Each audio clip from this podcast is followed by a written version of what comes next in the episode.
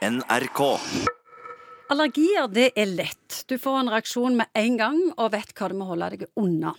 Men hva med matintoleranse? Hva er egentlig det for noe? Og ikke er det lett å oppdage heller, for reaksjonen den kan komme lange tider etterpå. Iallfall flere dager. Det kan han gjøre, og det kan òg være sånn at du ikke reagerer første gang du spiser eller tar og får i deg dette her, men neste gang.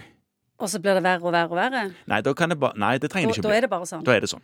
Men med allergier så er det jo sånn at da er du allergisk. Det er lite å gjøre med det. Men med matintoleranse så har jeg latt meg fortelle at hvis du holder deg unna mellom seks og åtte uker, f.eks. hvis det var appelsinjuice eller hvitløk, så kan du så smått begynne å tåle det igjen. Ja, det er sant. Og spesielt hvis den er Det er jo genialt. Ja, det er genialt. Du, kropp, du kan lære kroppen på en måte at dette var ikke så farlig allikevel.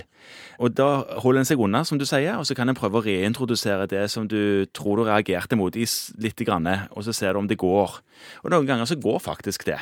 Men det som er problemet med dette med matintoleranse, det var jo at jeg fant det ikke ut. Så jeg, jeg gikk på et laboratorium og tok en blodprøve, og, og det kosta mye penger. Ja.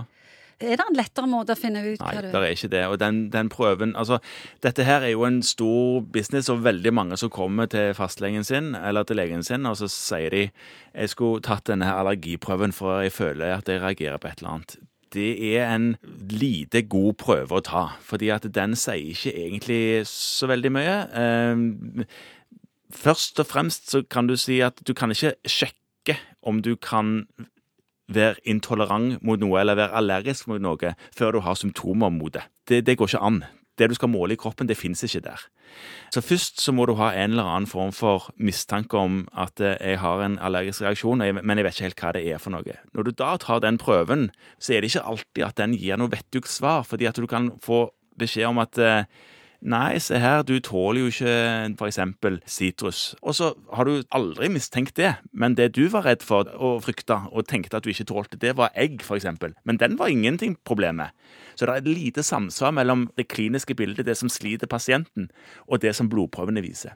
Disse prøvene er vanskelige. Den eneste gangen man på en måte kan ta det, det er når vanlig behandling mot disse tingene ikke funker ordentlig. Da kan man henvise og få tatt sånne prikktester og sånne ting som man gjør på sykehus.